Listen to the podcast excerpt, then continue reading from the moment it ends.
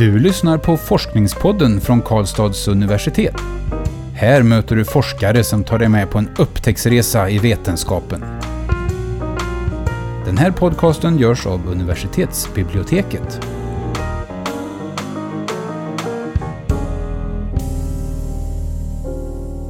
Hej och välkomna till Forskningspodden med mig Nadja och dagens gäst Andreas Borg. Hallå! Hallå, hallå! Välkommen Andreas och eh, du är här som gäst eh, med en bakgrund som lärare i fysik och matematik och har ganska nyligen skrivit en licentiatuppsats som handlar om eh, din forskning där du har undersökt hur gymnasieelevers användning av programmering kan främja deras matematiska problem, problemlösningsstrategier. Berätta lite om det. Jo, det börjar ju egentligen med att jag blev antagen till Forskarskolan för undervisning i digitalisering, Fundig. Och eh, då satt jag och spånade lite grann kring vad som skulle kunna vara intressant att titta på. Det skulle ha någon slags ämnesdidaktisk inriktning och det skulle vara kopplat till digitalisering i undervisningen. Och just då, 2017, så togs det ett beslut att programmering då skulle bli en del av vissa gymnasiekurser i matematik. Eh, och jag var väl egentligen i det läget lite säga, skeptisk till hur det skulle fungera.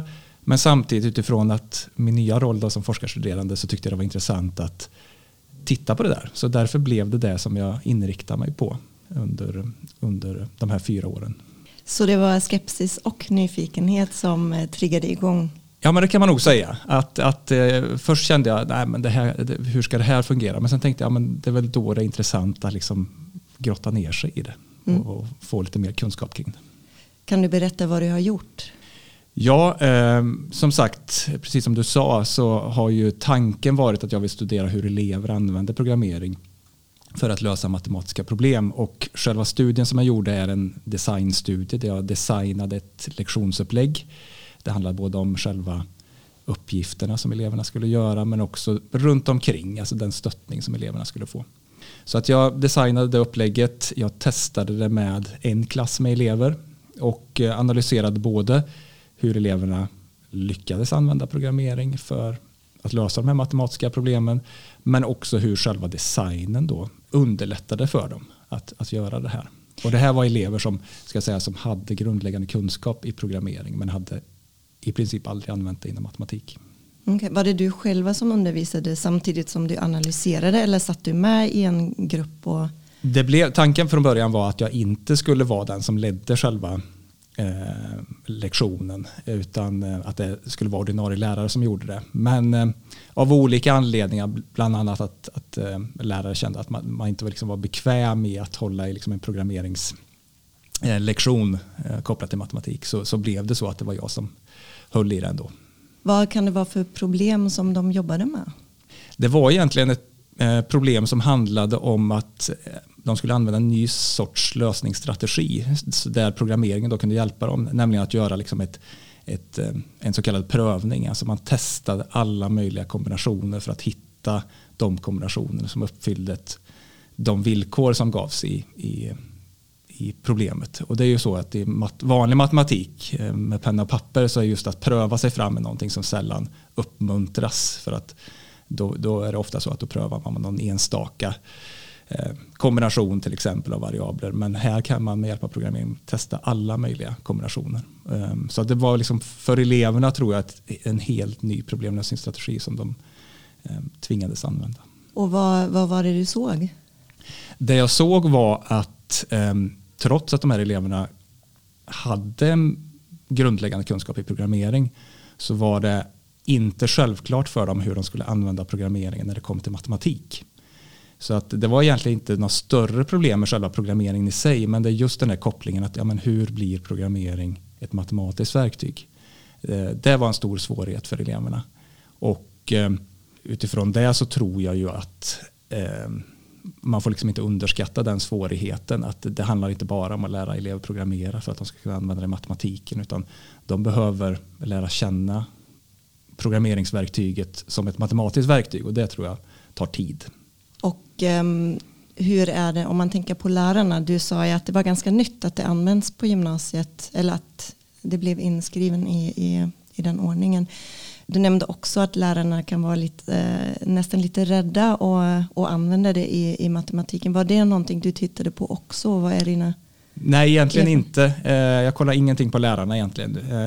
Eh, men det finns ju mycket liksom studier gjorda kring, kring det också. Att, att framförallt så känner ju många lärare att man inte har liksom den kunskapen. Eh, det är väldigt få lärare idag kanske som har gått en lärarutbildning där man fått lära sig programmering. Så att, det är klart att det gör ju också hela den här implementeringen mycket mer komplicerad. Var det någonting som överraskade dig i de resultaten du fick? Um, Ja, men det var väl att, alltså ofta lyfter man fram att ehm, fördelen med att använda programmering i matematik är att programmeringens språk och matematikens språk har många likheter. Det är många symboler som är samma, man använder variabler, man använder likhetstecken.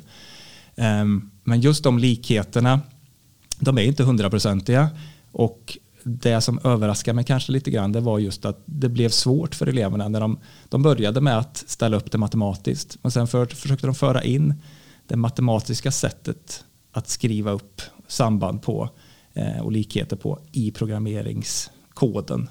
Eh, och det ställer till problem. Så att just den övergången från liksom matematikens sätt att uttrycka det till programmeringens sätt att uttrycka det.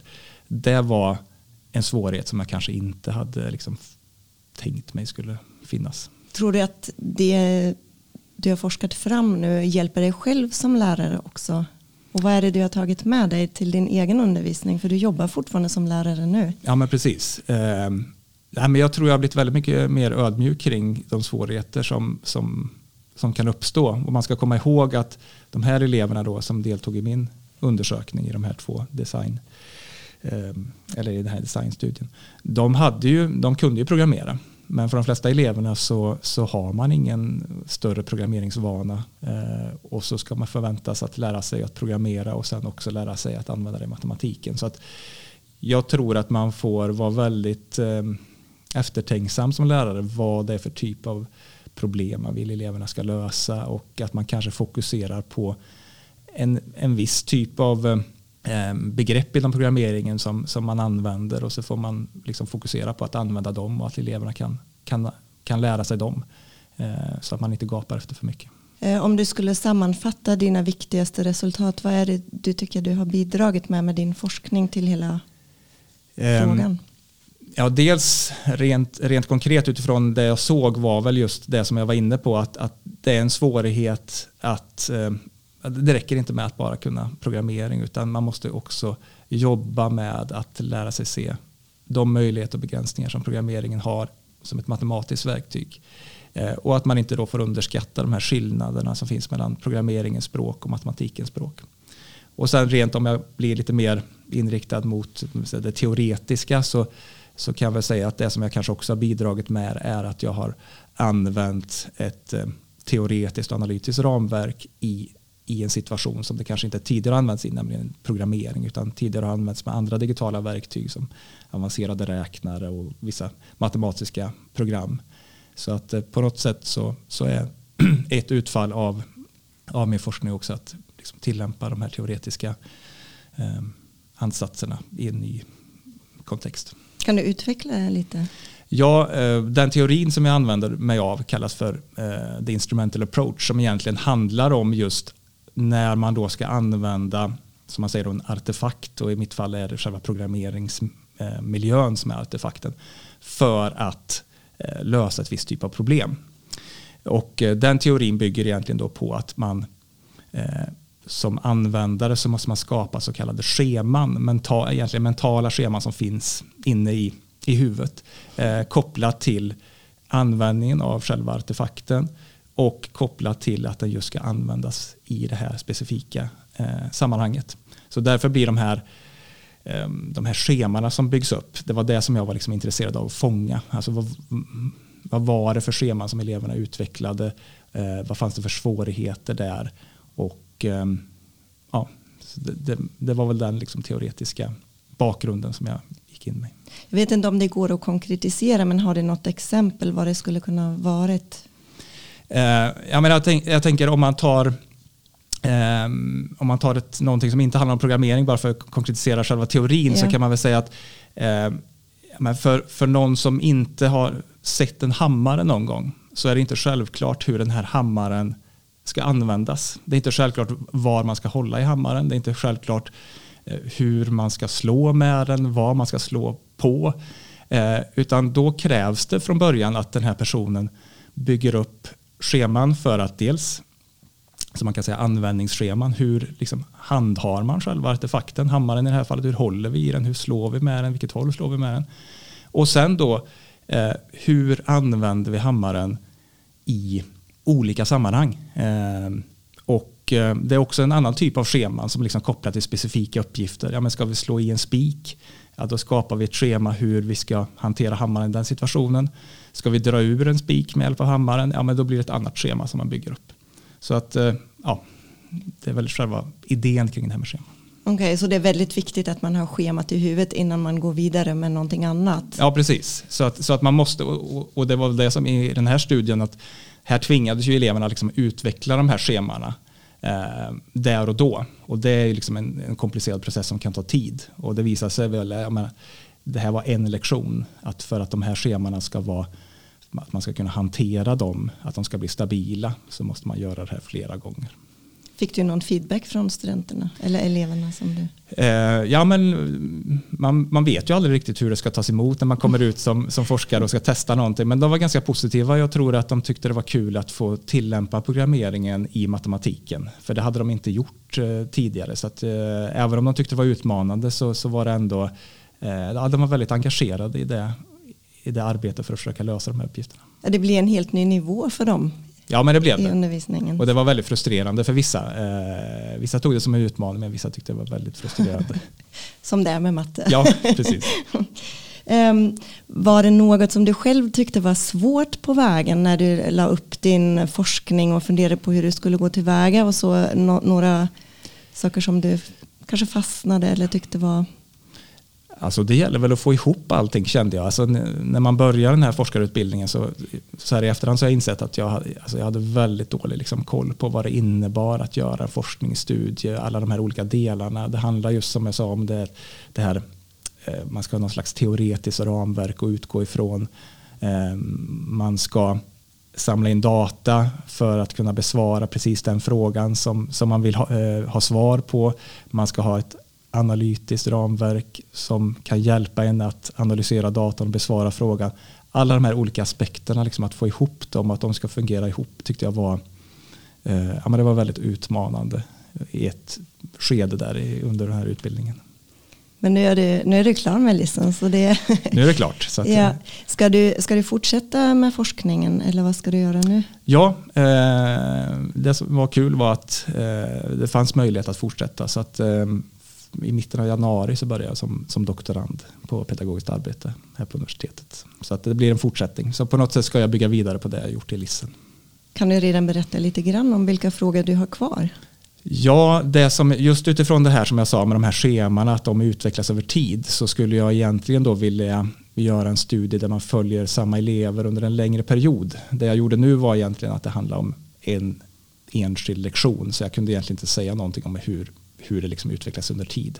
Så att jag skulle vilja få fatt på några elever och på någon lärare som, som kontinuerligt arbetar med att använda programmering i matematiken och se hur elevernas hantering av programmering för att lösa matematiska problem, hur det utvecklas över tid. Så det hoppas jag väl kunna göra. Mm. Vem hoppas du kommer läsa din avhandling eller listuppsatsen?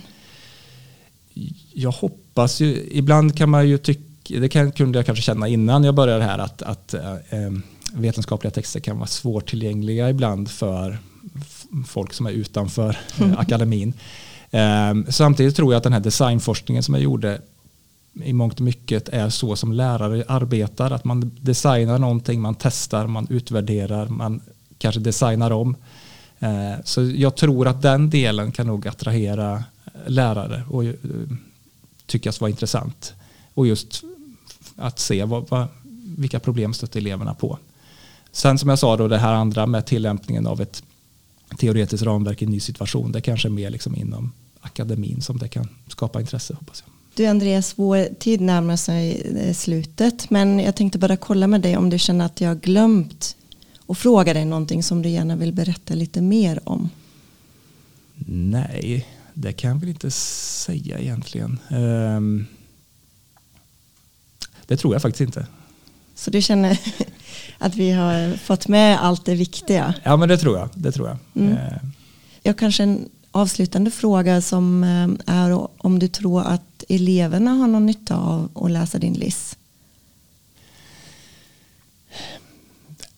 Kanske inte så mycket om jag ska vara helt ärlig. Um, det är klart att det kan vara intressant för dem att se hur andra elever har tacklat ett problem men jag kanske inte tror att de får ut så jättemycket av det. Så det, är, det är det, mer lärarperspektivet? Ja, men det tror jag. Det mm, tror jag. Forskningsperspektivet. Jättebra.